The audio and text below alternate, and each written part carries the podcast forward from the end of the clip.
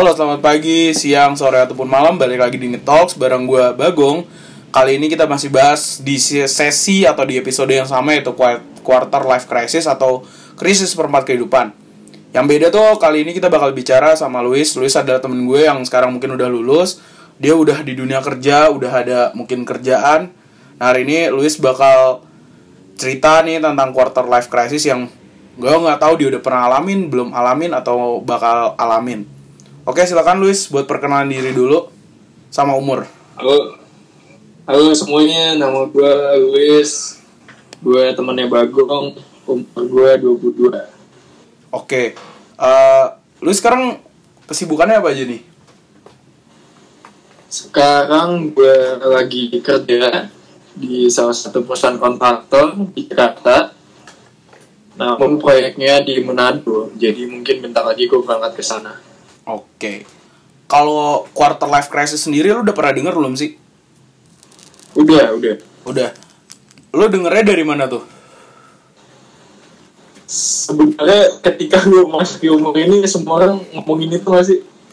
Itu tuh pertama kali lu denger dari teman kuliah lo, teman lama lo, atau teman mana lo? Lu inget nggak? Pertama kali banget nih. Gue pertama kali dengar mungkin dari kakak gue sih sebenarnya. Oke, gimana tuh cerita itu? Dia cerita bahwa dia mengalami itu quarter life crisis itu. Oh, terus? Uh, mungkin info aja dia dua tahun di atas kita, Gong. Oh. Jadi udah masuk ke dunia kerja duluan dan mungkin makanya bisa merasakan itu duluan gitu. Oke. Okay. Terus setelah lu bandingkan antara kakak lo sama lo, ada bedanya gak sih quarter life crisisnya? Ada. Ada perbedaan yang paling jauh bedanya apa tuh? Mana kalau kakak gue uh? itu datang dari faktor di lingkungan sekitarnya. Oke, kalau lu? Kalau gue, menurut gue lebih ke diri sendiri sih. Meskipun ada faktor eksternal juga, tapi lebih banyak dari diri sendiri. Oke. Kalau dari diri sendiri lu ini yang lu rasain apa ya quarter life crisis kan tadi gue sempat baca nih dari Tirto sumber masalah ada situasi keuangan yang dirasa kurang, tekanan untuk nikah, sama harapan ada perubahan nih. Nah kalau dari lu bagian yang lu sendiri deh di luar sumber Tirto ada nggak sumber masalah utama menurut lu? Nah itu sumber masalah utama dari diri sendiri. Dari diri sendiri nih. Wah, iya, kenapa betul. tuh? Menurut lo?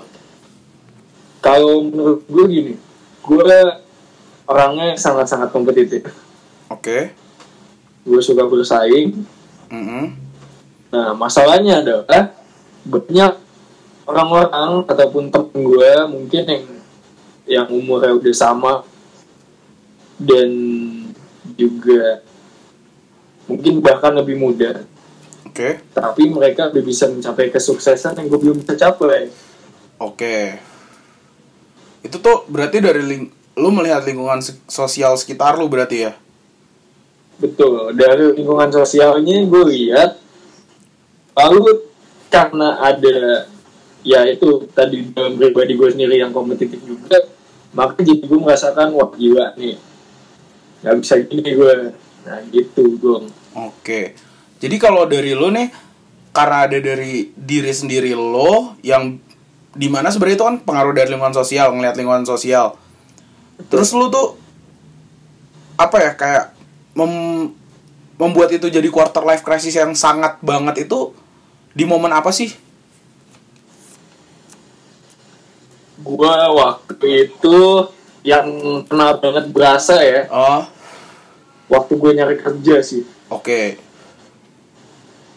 itu di saat itu lu benar-benar bingung lu mau ngambil atau melanjutkan hidup sesuai passion lu atau sesuai bidang yang udah lu ambil atau mungkin lu terusin uh, bisnis bukan nyokap lu atau gimana. Dan di satu sisi lu merasa sangat-sangat tidak berharga karena ya lu nyari kerja dapat dapat gitu Oke, paling susah kenapa sih? Lu eh BTW lu ngelamar berapa banyak tuh? yang lu pernah gue ngelamar? ngelamar itu mungkin kalau gue itu ya yang inget deh yang inget aja mungkin sekitar 12 sampai 15 perusahaan oke terus dari situ yang dipanggil interview berapa tuh yang dipanggil cuma tiga oke terus yang dilanjutin atau mungkin yang agak hampir-hampir itu berapa tuh dari tiga yang ketiga dua doang. Dua hampir-hampir. Terus Ya. terakhir tuh dari dua itu ada yang bener-bener lu udah dapat atau belum? Udah yang pekerjaan gue sekarang ini. Oh itu dua. Itu dua dari satu. Berarti lu milih dong? Eh, ya lu milih antara apa dengan apa? Dua-duanya sebenarnya perusahaan kontraktor. Hmm. Cuman satu menyuruh gue untuk nunggu. Oke satu lagi. Yang satu secepatnya lu bisa kerja lu kerja gitu Oke. Kenapa lu memilih yang secepatnya lu kerja, lu kerja, secepatnya lu bisa kerja, lu kerja? Yang sekarang berarti. Kenapa lu memilih yang sekarang dibanding yang satu lagi? oke kalau gue cerita ya Hmm. yang perusahaan yang satunya itu perusahaan yang lebih besar daripada yang tempat gue sekarang Oke. Lebih punya nama tapi gue nggak ngeliat ataupun belum melihat prospeknya bagus di sana. Oke, terus? Sementara ketika gue dapet pekerjaan ini gue langsung dikasih tahu bakal ditempatin di mana proyeknya sebesar apa ngapain aja. Gue ngeliat prospeknya sangat-sangat bagus gitu. Oke. meskipun perusahaannya kecil ya masih lebih kecil tapi ya nggak salahnya gue mulai dari yang ya nggak kecil-kecil banget menengah lah. Oke. Terus kalau ini kan kita balik lagi nih ke sumber masalah yang menurut si Tirto ini kan ada beberapa item tadi situasi keuangan, tekanan untuk menikah sama harapan. Lu Tuh. ini yang mana sih? Yang paling sulit sama yang paling ah ya udah biasa aja. kalau dari tiga itu ya Iya, tekanan menikah di sebelum 30 tahun, situasi keuangan yang ya sebenarnya selalu kurang, ngerasa aduh kurang terus nih. Terus sama satu lagi tuh harapan ada perubahan gitu di karir lo ya, mungkin kerjaan lo sekarang gitu. Yang mana nih? mungkin paling sulit buat gue adalah harapan sih Oke.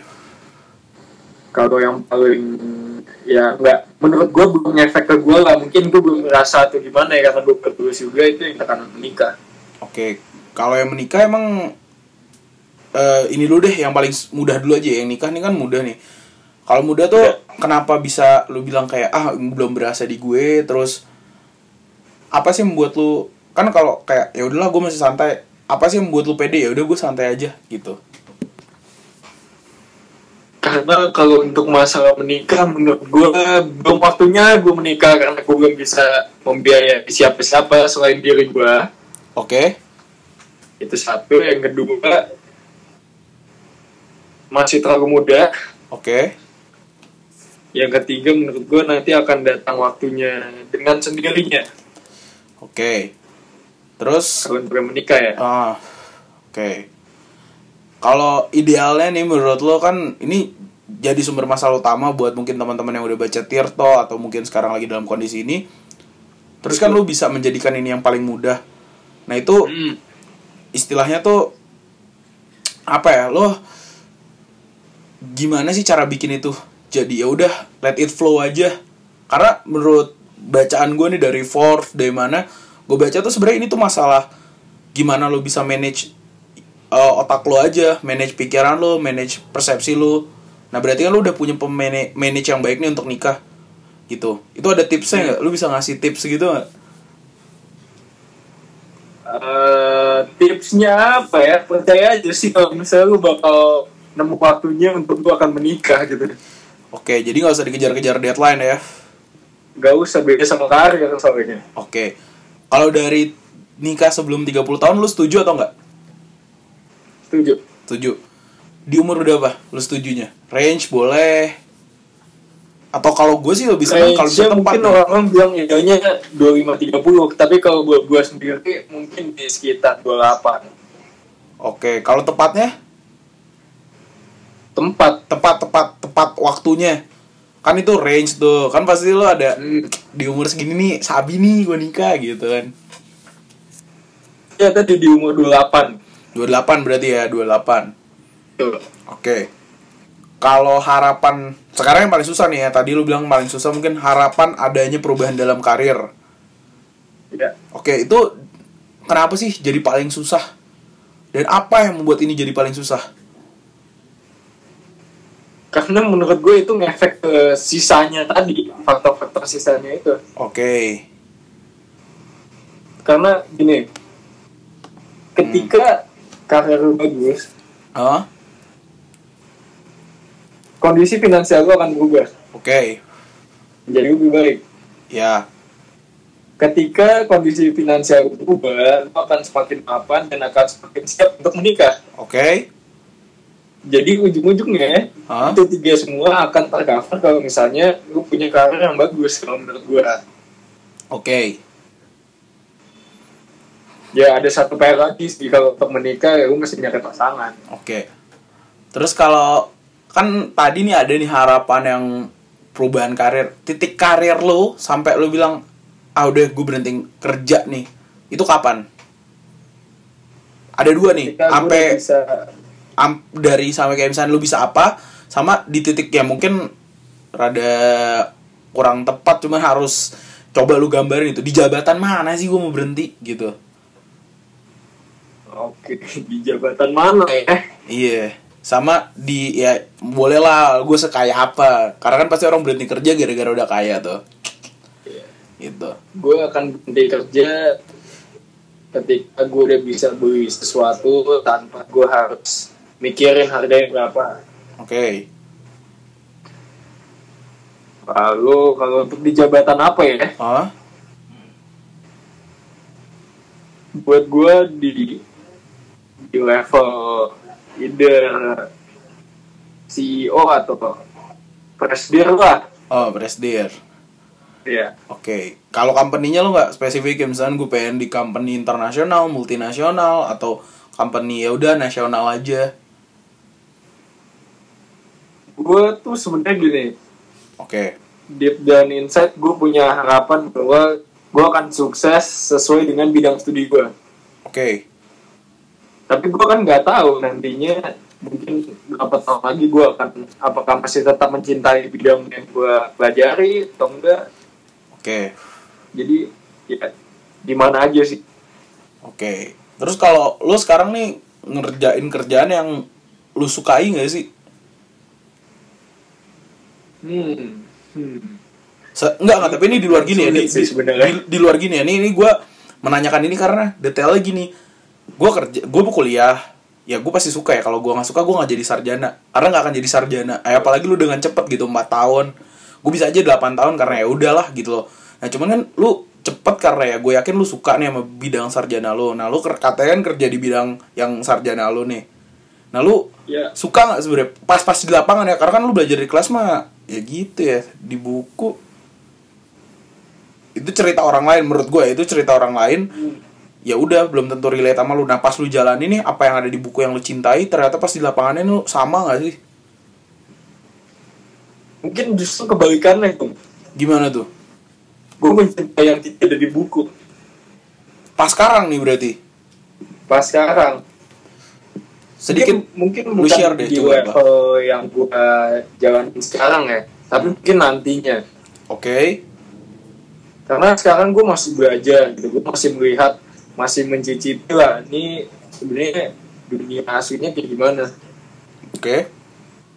Tapi setelah gue tekuni mungkin beberapa minggu inilah oke. ternyata bidang yang gue jalanin sekarang itu lebih dari sekedar apa yang gue dipelajarin di buku dan itu yang gue suka. Oh berarti lu dapet sesuatu yang lebih? Lebih karena di dalam apa yang gue kerjain sekarang ya menurut gue ya oh. itu ada politiknya oh. ada macam-macam lah pokoknya ilmu-ilmu yang yang menurut gue bukan sekedar di buku di buku teknik sipil yang gue pelajarin itu. Oh berarti lu dapet pembelajaran baru nih jadi kayak pelengkap pembelajaran jatuhnya yes betul. Oke. Terus kalau anggap nih lo mau ya nggak ada yang tahu gitu, kepikiran lo sampai sekarang kalaupun lo harus cabut ke bidang ya boleh dibilang di luar bidang yang lo suka sekarang tuh kira-kira bidang apa sih sampai sekarang yang lo kegambar kalau gue melangkah gue bakal jalan paling jauh ke mana sih paling jauh ya hmm. Paling jauh gue akan mungkin jadi DPR oke paling jauh. paling jauh. Terus? Tapi gue lebih prefer mungkin jadi lawyer. Jadi lawyer. Terus? Gitu kenapa tuh? Itu sih. Kenapa kenapa lu bisa berpikir paling jauhnya di situ? Apa yang membuat lu wah nih bener nih gue kayaknya di sini paling jauhnya kalau melenceng ibarat ya paling singitnya nih kalau layangan nih udah ya udah di situ deh gitu. Apa yang buat lu yakin? Kenapa mungkin ya gue nggak tahu sih mungkin di DPR atau di mana ya Oh. jelas gue kalau dibilang paling jauhnya gue berharapnya di politik. Oke. Nah itu karena ya atas dasar gue mau gue punya goals di gue sendiri lah. Oke. Bahwa minoritas itu nggak selalu nggak bisa jadi pemerintahan gitu. Oke. Itu kenapa DPR ataupun eh, apa pun itu lah bisa aja kan gue dari alternatif juga. Hmm, terjauhnya ya. Iya. Tapi sebenarnya kalau misalnya gue nggak dapat itu ya satu satu satu langkah sebelum terjauhnya mungkin lawyer karena menurut gue lawyer tuh keren. Kenapa tuh keren dibanding lu yang sekarang ya nggak tahu dan juga dan mungkin gue suka aja sih berdebat dengan orang oke terus ketika menjadi lawyer lu Ah. mencari fakta-fakta untuk mengalahkan Ah. orang satunya oke dan ya gue nggak tahu sih itu benar atau enggak karena kan gue belajarnya bukan ilmu hukum tapi Ah. yang gue lihat-lihat sih seperti itu oke dan mungkin karena jiwa gue kompetitif juga makanya gue suka aja Oke. Hmm. Terus kan ini uh, quarter life crisis itu sebenarnya dari yang gue baca nih, gue juga nggak tahu sebenarnya bener apa enggak. Cuman katanya tuh ada yang sebelum, sedang, atau akan. Nah Ya, kalau lu udah pernah di posisi mana sih? Menurut by ya by experience lu aja nih, by hidup lu nih pengalaman lu yang udah lu jalanin, lu ada di posisi mana sekarang? Hari ini deh. Setelah ini lu ngerasa anjir gue ada di sini atau di mana gitu. Kalau dibilang sedang sih gue ngeliat waktu itu kakak gue rasanya sih belum nyampe gue belum nyampe. Tapi mungkin udah mencicipi di awal nih. Hmm. Ketika lu udah mulai bingung-bingung sebenarnya lu mau ya tadi yang gue bilang mau mau ngapain sih lu? Jadi sekarang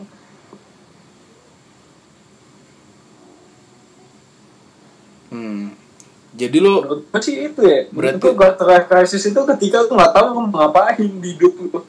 Berarti lu ada di belum menyentuh itu ya berarti? Gue belum sampai segitunya tapi belum kayak mempertanyakan. Jadi udah di pre berarti di pre-nya nih ya? Mungkin ya mungkin ya punya ke sana. Oke.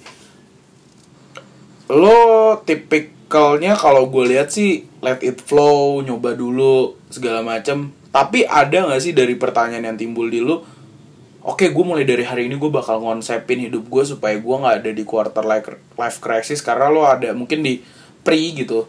Ada nggak sih? Sebenarnya kalau misalnya gue bilang konsepin hidup tergantung nih yang lu maksud apa. Ya biar nggak ada di situ kan istilahnya kan yang gue lihat nih quarter life crisis kan ada kriterianya udah detail maksudnya kayak ya lu udah tahu apalagi lu udah dapet sharing dari orang terdekat lu.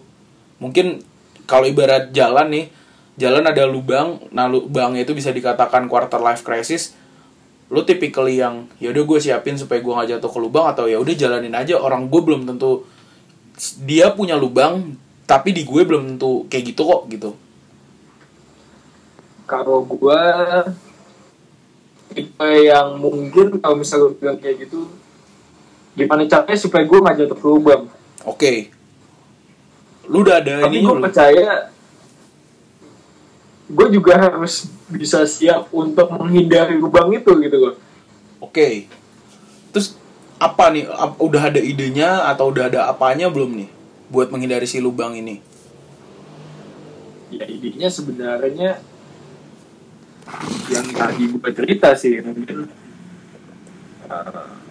ya punya planning aja buat buat buat hidup lu paling tidak 10 tahun ke depan mau mencapai apa aja sih Oke. kalau buat gua ya setelah gua lulus ini Hmm? gua mau kerja setahun dua tahun Ya, habis itu melanjutkan studi oke. habis itu kerja lagi setahun dua tahun Hmm? belum mencari pasangan hidup Hmm? Ya nikah di umur ideal gue yang tadi gue sebutkan tadi 28 Oke. tapi balik lagi itu semua ya kan belum tentu berjalan sesuai dengan yang kita inginkan kan Hmm.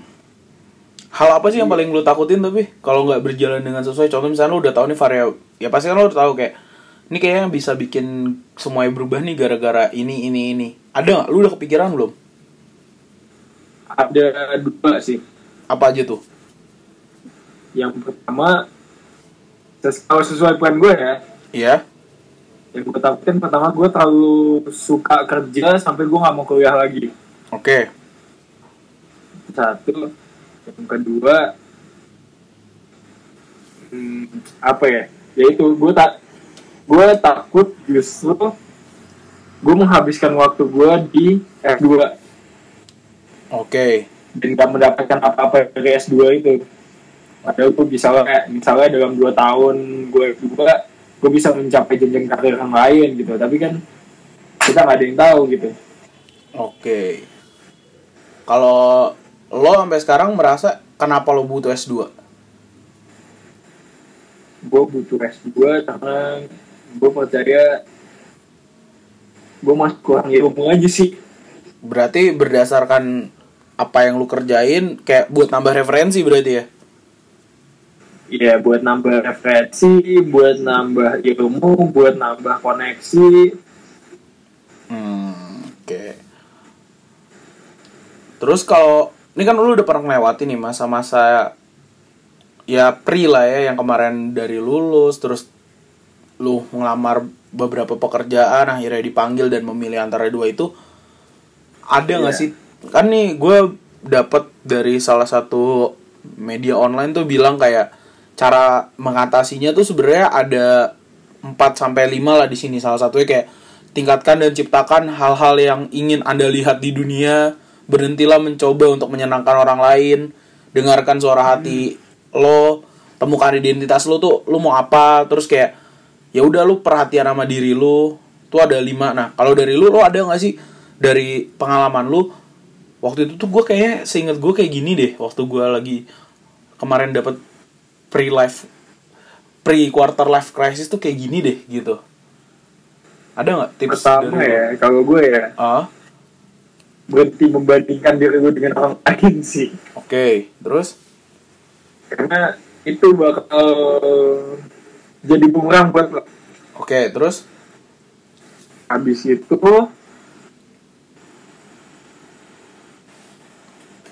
ya mu- mulai aja dulu gitu. Itu sih yang gue lakukan makanya gue kira itu udah mulai aja dulu. Daripada gue nunggu-nunggu sesuatu yang lebih besar tapi gue masih bingung nggak tahu mau ngapain gue mulai aja dulu. Oke. Ada lagi nggak kira-kira? Tadi apa aja sih yang dikatakan media online tuh? Katanya tingkatkan cip apa tingkatkan atau ciptain hal-hal yang ingin lu lihat di dunia ya maksudnya mimpi lu sebenarnya. Terus Iya. menyenangkan orang lain kalau menyenangkan orang lain ya itu tuntutan sosial sih. Misalnya gara-gara lingkungannya bilang ya udah lu nikah nih ini ya udah gue nikah. Terus lu ya udah biar yang lain seneng gue nikah deh sekarang gitu. Atau mungkin lu udah dimarahin orang tua lo nih di rumah gara-gara banyakan bengong di depan teras gitu kan bengong. Udah lu, lu kerja ya kerja. Lu kerja. Itu kan kayak menyenangkan orang lain bentuknya terus kalau dengerin suara hati tuh ya itu balik lagi tadi kan makanya ditanya juga sebenarnya lu pas nggak sih sama yang sekarang? Udah pas belum nih sama kerjaan yang sekarang? Atau mungkin sama karir lu? Atau sama ya semuanya lah keuangan percintaan dan lain-lain, mungkin yang kayak gitu. Terus lu mencoba ide mencari identitas lu dengan lu cobain hal-hal baru.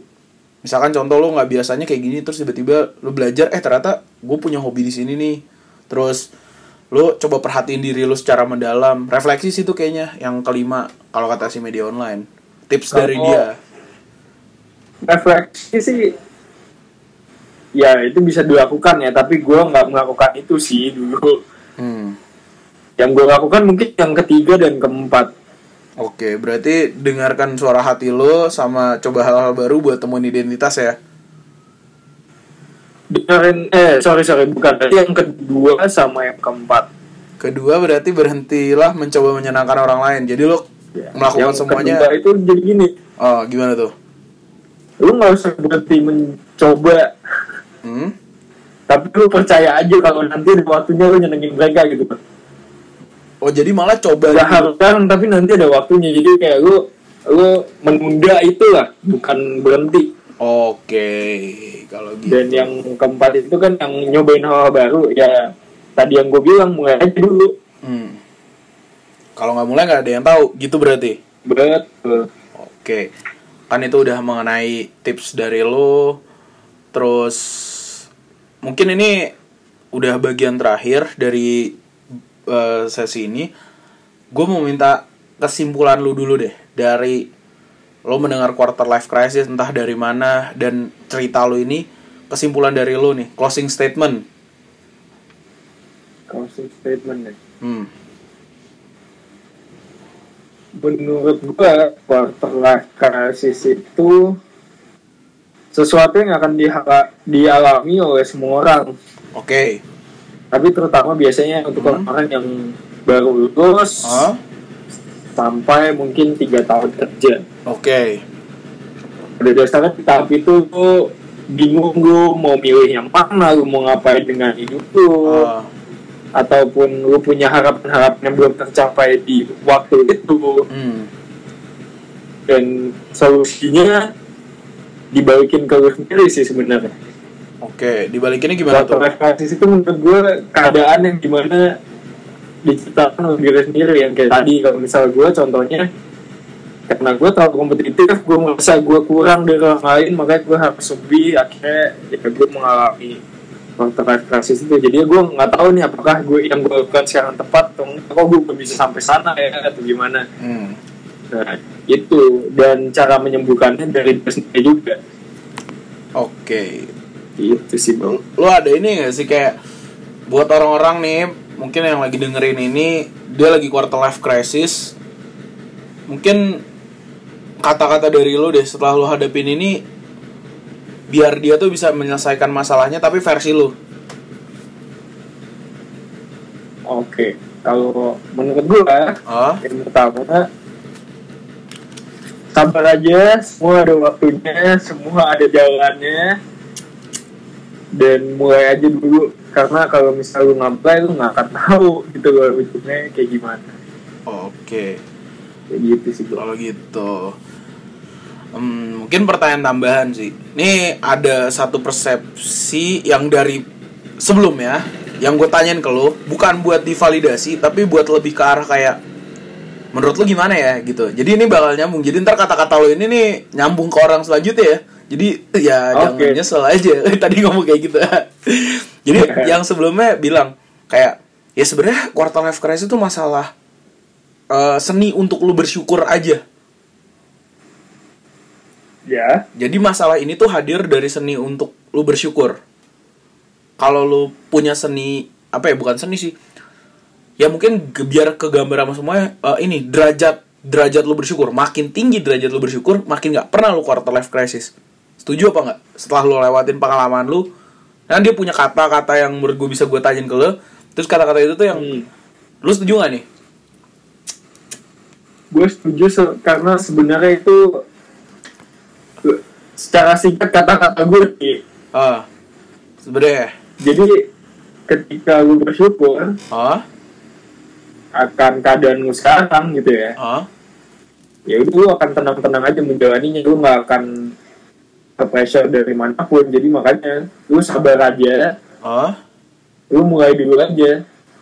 Mungkin waktu lu masih di sini gitu lu bersyukur aja lu udah di sini. Oke, kalau gitu. Oke, kalau gitu thank you ya Luis ya. oke thank halo nama gue Gus jangan lupa dengan Net Talks quarter life crisis itu anjing cuman kalau misalnya lu nggak memilih untuk menyelesaikannya dari diri lu sendiri nggak akan selesai